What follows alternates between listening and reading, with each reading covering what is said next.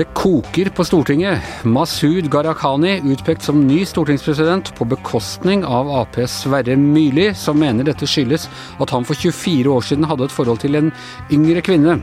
Og avgått stortingspresident Eva Kristin Hansen har fått advokat og mener nå hun ble tvunget til å gå av. Det er nok å snakke om eh, i Giæver og gjengen i dag, men vi skal også selvfølgelig snakke om Qatar, hvor to NRK-journalister ble pågrepet og arrestert og satt inne i over et døgn før de ble sluppet fri, og nå er de tilbake i Norge. Dette er Giæver og gjengen, og det er onsdag den 24. november. Ja, uh, Hanne Skartveit er dessverre ikke her i dag. Det er ikke fordi vi ikke er på talefot. Uh, uh, men for det hadde vært veldig gøy å snakke med henne om alt dette som koker på, på, Stortinget akkurat nå. Det skal vi imidlertid gjøre i morgen, på bakgården klokka seks. Dit kommer også stortingsrepresentanter Marie Sneve Martinussen og Rasmus Hansson fra henholdsvis Rødt og MDG.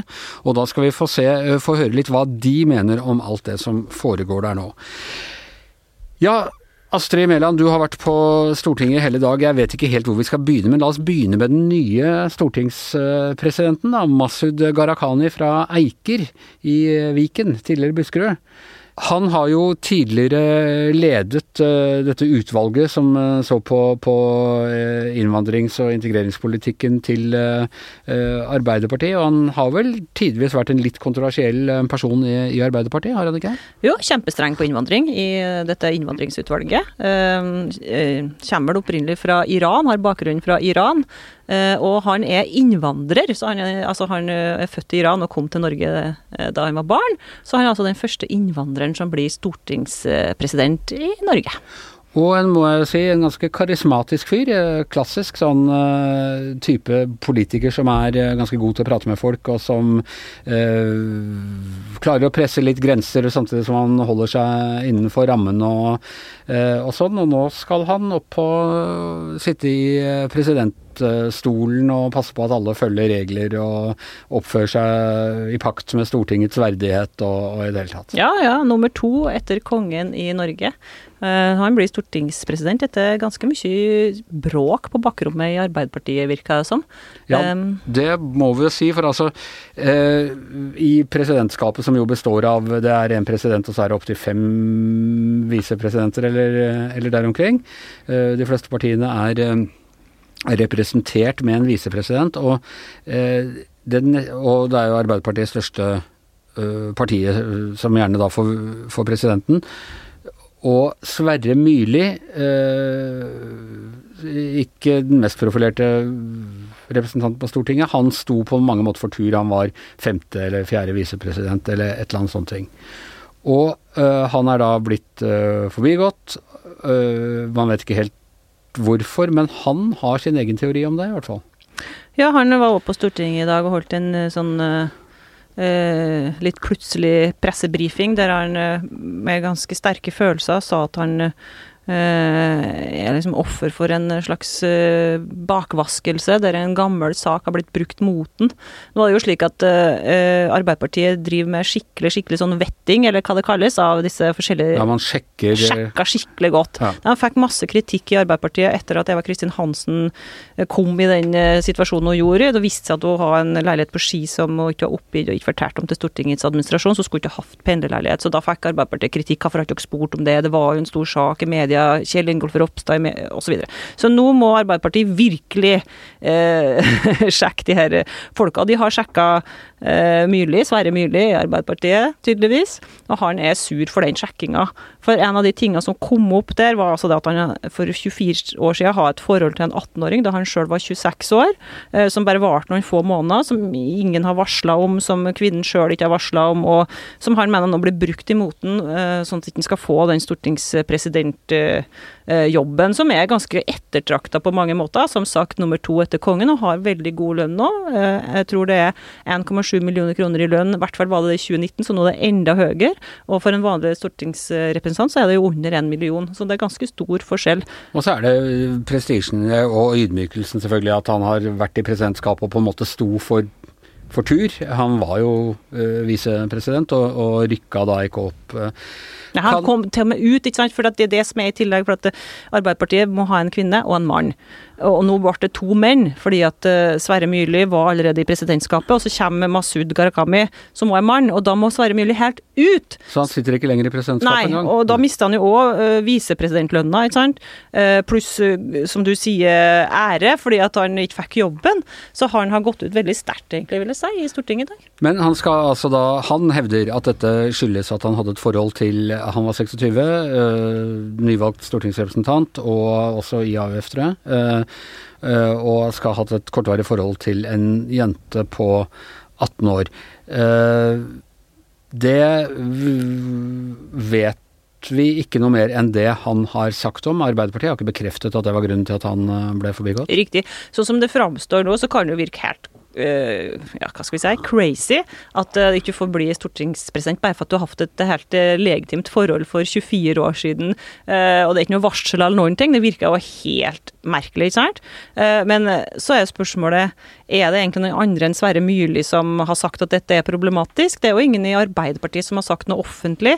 det er heller sånn at i Arbeiderpartiet så sies det liksom at det her er ikke den saken Det var ikke en stor del av den vettinga, det var bare noe Uh, var ikke sikkert man kom inn på det engang. Kanskje det er Myrli sjøl som har nevnt det. Det er i hvert fall Myrli som har gjort det kjent i, i, pressen. Det er han som er den eneste som har nevnt det i pressen.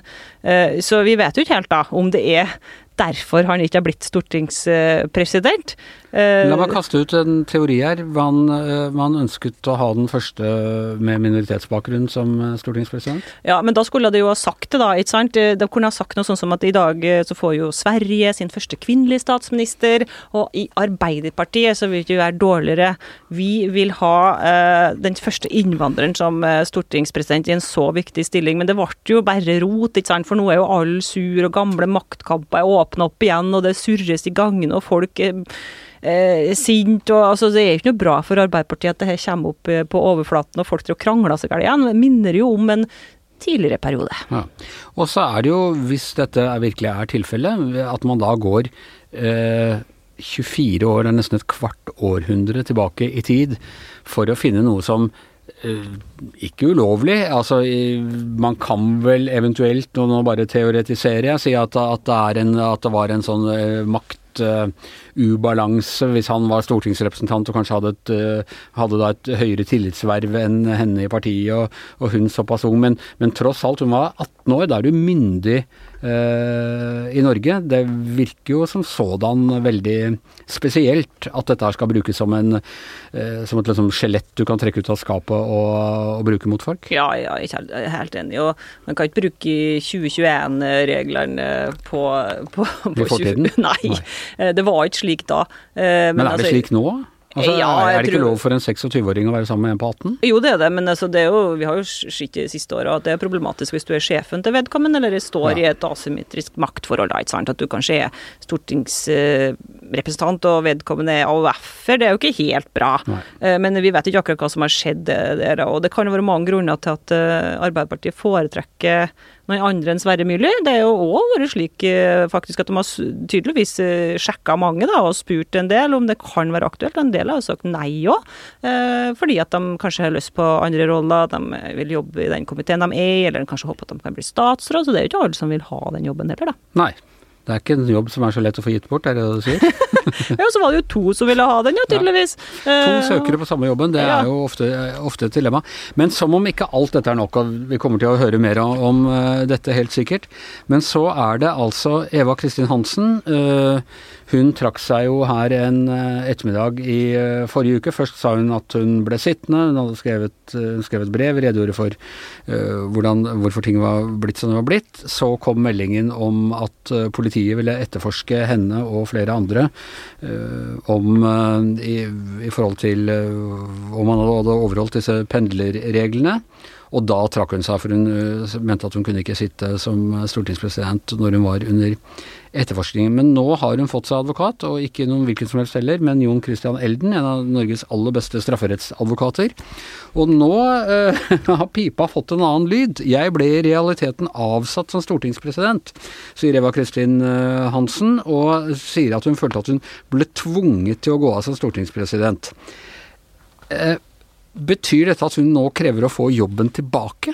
ja, Jon Christian Elden, eh, som du sier, en av Norges aller fremste strafferettsadvokater, han sa jo på radioen i dag at Arbeiderpartiet faktisk burde vente med å ansette ny stortingspresident, fordi Eva Kristin Hansen eh, kanskje kunne fortsette i rollen, for hun har ikke brutt noen regler, mener han, advokaten hennes, og det er overhodet ikke foregått noe straffbart her. Og han har jo gjort litt jobb, da, tydeligvis, for at det er jo ikke riktig sånn som kanskje mange forsto det som i begynnelsen, at statsadvokaten eh, etterforska henne eller noen andre spesifikt. Det er ingen spesifikke som er mistenkt i saken. Nei, ingen er mistenkt, det er det som er viktig. Men det ble vel presisert før? Eh, ja, det ble det. Men det ble misforstått litt. Ja. Uh, men, uh, så det er bare de ser på sakskomplekset. Og Eva Kristin Hansen er altså da ikke mistenkt i saken. Og jeg tror egentlig at Ellen er helt rett i det at, at hun ikke har gjort noe straffbart. I hvert fall ut fra min ringe forståelse av regelverket, så ser det ut som det ikke er straffbart. Eh, men, men, så er det Dette er jo en stilling som hun har fått Det er et tillitsverv. Det er basert på tillit, det er ikke basert på juss.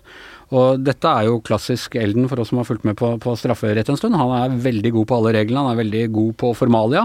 Øh, en mester å bruke dette til sine klienters forhold. Men dette er jo ikke noe rettssak. Det er, jo ikke noe, det er jo ikke noe sånn at hun ikke har fått kontradiksjon eller altså øh, Det er jo Hun sitter der med tillit fra fra sine partifeller eh, på Stortinget, og hvis de ikke har den tilliten, eller hun føler at de ikke har den tilliten, eh, så må, må hun bare frasi seg det. Hun er jo ikke fratatt De kan ikke frata henne stillingen som stortingsrepresentant, og hun, er ikke, altså hun har ikke mista noen andre rettigheter. Nei, nå vet vi jo det. Nå er det jo avklart at det er ikke noe straffesak. Tror i hvert fall ikke det kommer til å bli det heller, for min del. Så jeg syns det er litt overraskende at Eva Kristin Hansen går ut så hardt. Jeg våkna til den nyheten i dag tidlig om at hun følte seg tvunget, som du sier, og som du siterer på. Det er jo Eh, slik at i forrige uke så angra hun jo på alt og beklaga regelbruddet og burde ha sjekka bedre, og nå angrer hun tydeligvis ikke på det lenger, da. Og så tror jeg kanskje at hun mistolka folkemeninga litt. Nå skal ikke jeg si at jeg vet hva folk flest mener, men jeg har sett svært få som har hatt uh, Eh, noen støtteappeller til Eva Kristin Hansen, for de er oppfatter akkurat sånn som du sier, Anders, at det her er jo moralsk forkastelig. Det kan hende at det er innenfor eh, juridisk regelverket er sikkert ikke, det er sikkert ikke straffbart, det er ikke sikkert regelverket er brutt engang, men, men det er jo ikke sånn at skattebetalerne skal drive og betale en, en leilighet eh, for, for stortingsrepresentanter i Oslo når de har en leilighet på Ski. Ja, altså øh, Om det er moralsk forkastelig er kanskje å ta sterkt i, men når, hun sier nå ifølge NTB at 'jeg har fulgt regelverket til punkt og prikke', øh, så er det Da føler jeg at det er virkelig den derre øh, Eh, forskjellige oppfatningene av hva som er, er juss og hva som er, er uh, politikk. Men nå snakker hun åpenbart om jussen, da. Og ja. det var jo ikke det hun sa i forrige uke heller, da. Så, så, nå har hun tydeligvis fått uh, en ny oppfatning. For det er mange ting som er lov til å gjøre, men som du ikke nødvendigvis får politisk tillit av. Men nå skal det sies at det er forferdelig rotete fra Stortingets administrasjon her. Jeg har prøvd og fått greie på sjøl hva som er regelverket. Vi har fått delt ut det tosidersregelverket fra Stortinget, men det er jo ikke nok. For eh, der står det jo åpenbart at du kan være folkeregistrert en annen plass, og det er helt innafor. Men så henviser Stortingets administrasjon til en tolkning fra 2009 som eh, jeg har bedt om, og som jeg heller ikke har fått uh, verken skriftlig eller muntlig, og ikke noen andre aviser heller har fått det. Og stortingsrepresentantene sier at de ikke har vært informert om det her. Så det, det kan hende at Eva Kristin Hansen har sitt på det tørre når det gjelder det juridiske, da.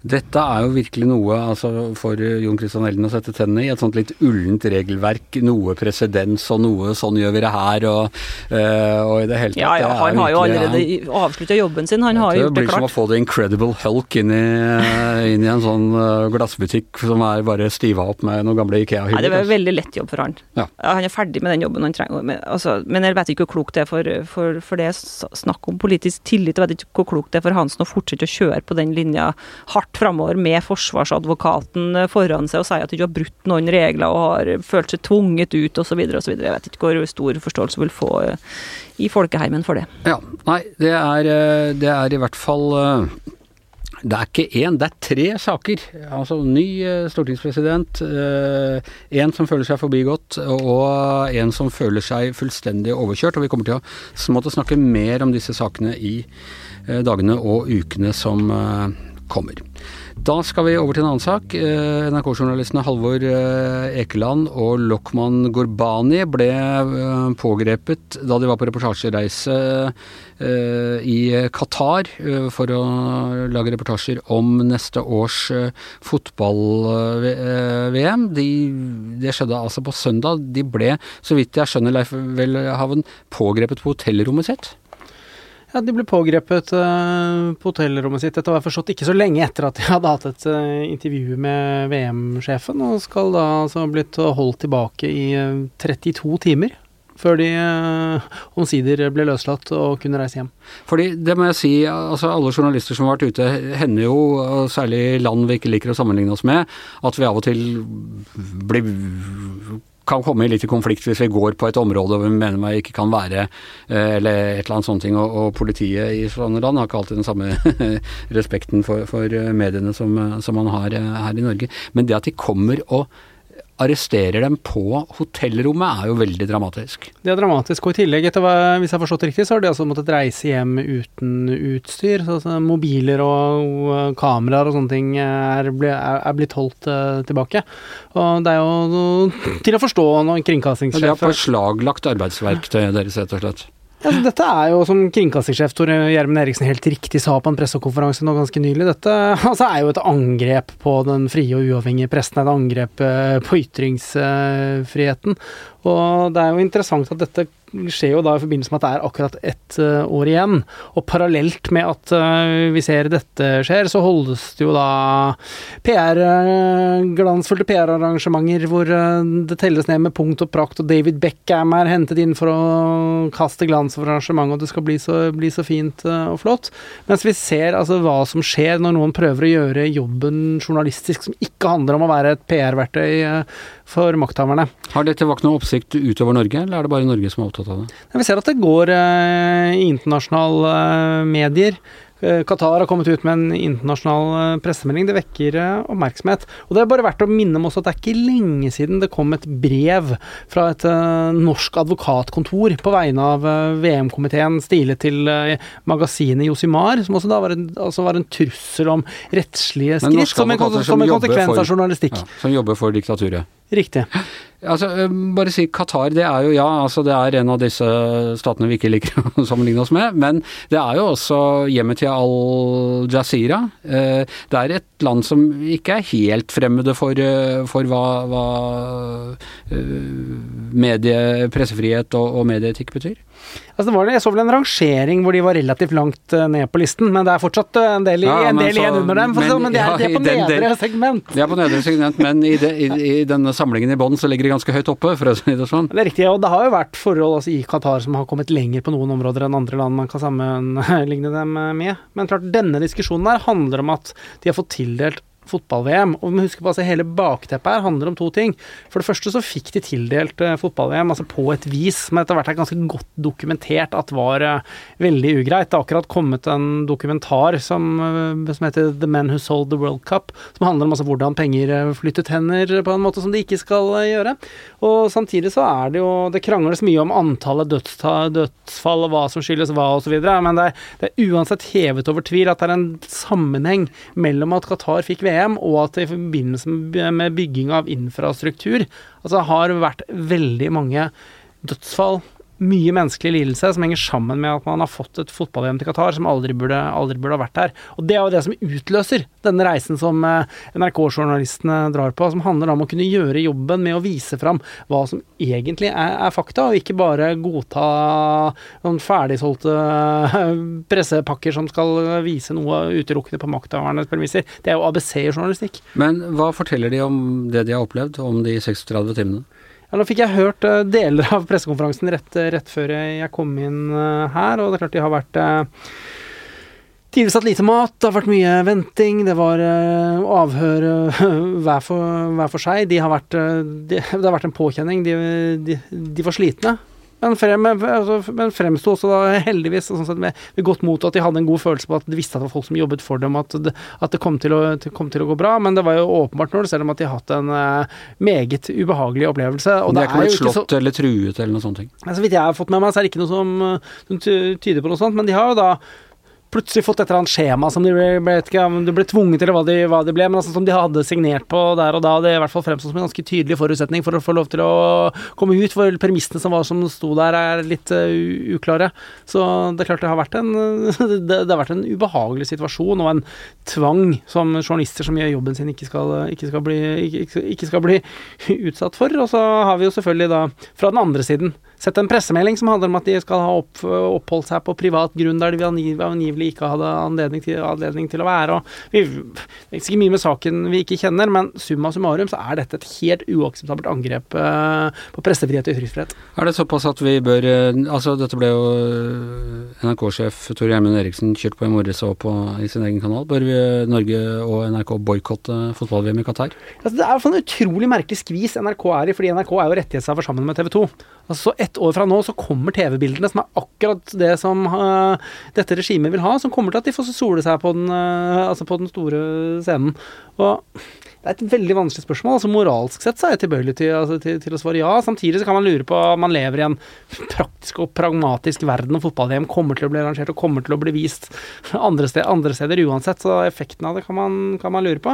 Men jeg har jo ment at det man burde ha gjort i sin tid, var å var rett og slett gå foran at vi som fotballnasjon ikke burde ha vært med. Men altså, det toget har gått. For det første så skulle vi prøve, og for det andre så har vi feilet. Så akkurat det handlingsrommet er jo brukt opp. Men det er litt lettere for Norge nå å kreve internasjonal boikott av, av fotball-VM i Qatar i og med at vi ikke er med lenger. Ja, altså Verktøykassen har vi tømt på egen hånd, for å si det sånn. ok, eh, vi får se åssen det går. Og vi er også spennende å høre mer om hva eh, Halvor Ekeland og Lokman Gorbani opplevde i de 36 timene de var satt arrestert eh, i Qatar. Giæver og gjengen er over for i dag. Jeg minner igjen om at vi er på bakgården på Grünerløkka i morgen klokka 18.00. 6.00. Det er kommentaravdelingens vorspiel til vårt eget julebord. Eh, da skal Hanne og jeg skvære opp eh, for eh, åpen scene. Og Magne minner meg her på at jeg må si at det er gratis. Det har alltid vært gratis å komme og høre oss på bakgården, og det er det også i morgen. Så det er ingen grunn til å ikke komme dit. Takk for oss i dag. Her i studio Leif Welhaven, Astrid Mæland. Jeg heter Anders Giæver, og mannen som gjenvelges på pur tillit som Eh, produsent for denne podkasten er som alltid Magne Antonsen.